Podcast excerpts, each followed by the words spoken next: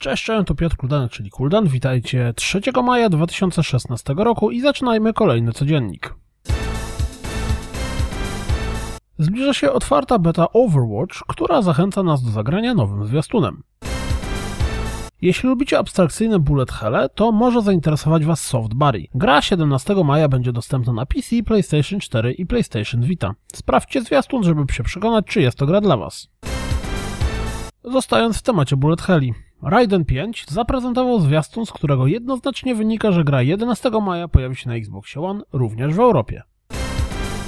Stało się. Po wszystkich ploteczkach, przeciekach itp. mamy oficjalny zwiastun Call of Duty Infinite Warfare i remastera Modern Warfare. Kosmitów raczej nie będzie, ale daleka przyszłość jak najbardziej.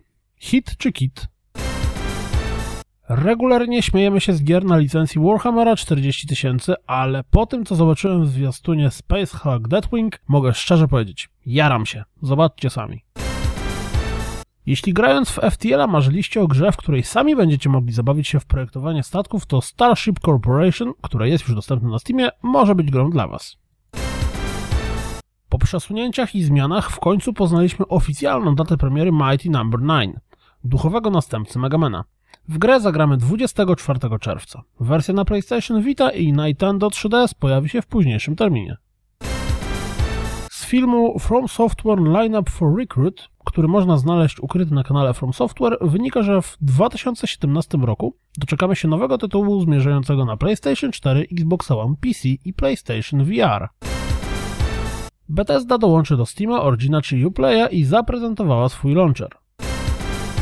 Interpretację pozostawiam Wam, ale na stronie Nintendo America przy The Legend of Zelda for Wii U data premiery z marzec 2017 została zmieniona na 2017.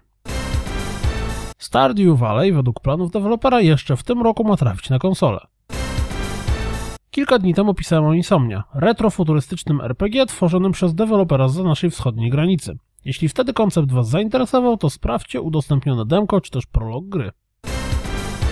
Jeśli potrzebujecie podgrzania hypu związanego z Uncharted 4, to sprawdźcie tekst na Vice wynikający z rozmowy z Nolanem Nortem i Troyem Bakerem.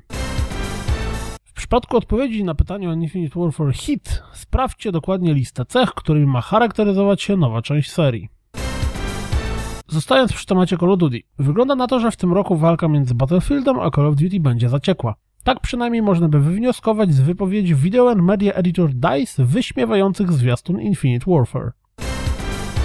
Jeśli zastanawiacie się, ile Microsoft kosztował problem z Red Ring of Death, to z artykułu na Business Insider wynika, że był to okrągły miliard dolarów. To wszystko na dziś, jak zawsze dziękuję za słuchanie, jak zawsze zapraszam na www.rozgrywkapodcast.pl Jeśli doceniacie moją pracę, wesprzyjcie mnie na Patronite i mam nadzieję słyszymy się jutro. Cześć!